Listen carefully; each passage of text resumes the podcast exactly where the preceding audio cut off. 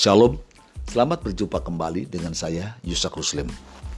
Kepada segenap jemaat GSJ Yesus Kristus Taman Palem, mari kita terus ingat dan doakan apa yang menjadi visi gereja kita, yaitu jemaat yang bertumbuh di gerejanya dan keluarganya untuk mengembangkan kepedulian terhadap jiwa-jiwa yang terhilang.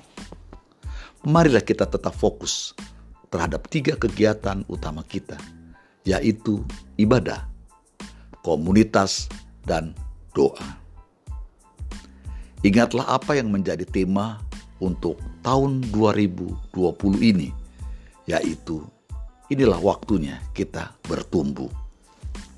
2 Petrus pasal 3 ayat 18 berkata, Tetapi bertumbuhlah dalam kasih karunia dan dalam pengenalan akan Tuhan dan Juru Selamat kita, Yesus Kristus bagi kemuliaan sekarang dan sampai selama-lamanya.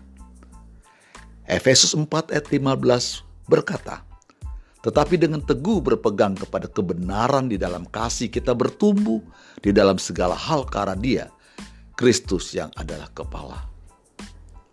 Untuk itulah supaya pertumbuhan kita semakin maksimal.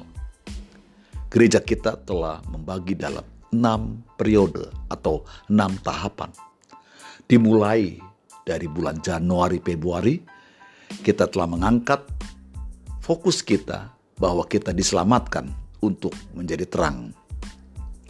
Dan di bulan Maret April ini kita akan mengangkat fokus kita bahwasanya kita menjadi terang untuk memberi dampak.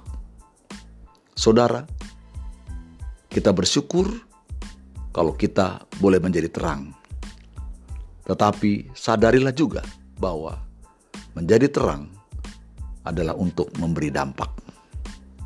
Apalah gunanya kita menjadi terang, tapi terang itu tidak pernah memberi dampak. Saudaraku yang dikasih oleh Tuhan, tahukah saudara apa yang menjadi kebiasaan kita akan menentukan masa depan kita? Oleh karena itu, putuskan apa yang mau menjadi kebiasaan kita pada hari ini. Untuk itu, saya ingin mengajak kita, mari kita perkuat komunitas K3 kita. Sebuah komunitas di mana kita boleh ber, bertekun di dalam pengajaran.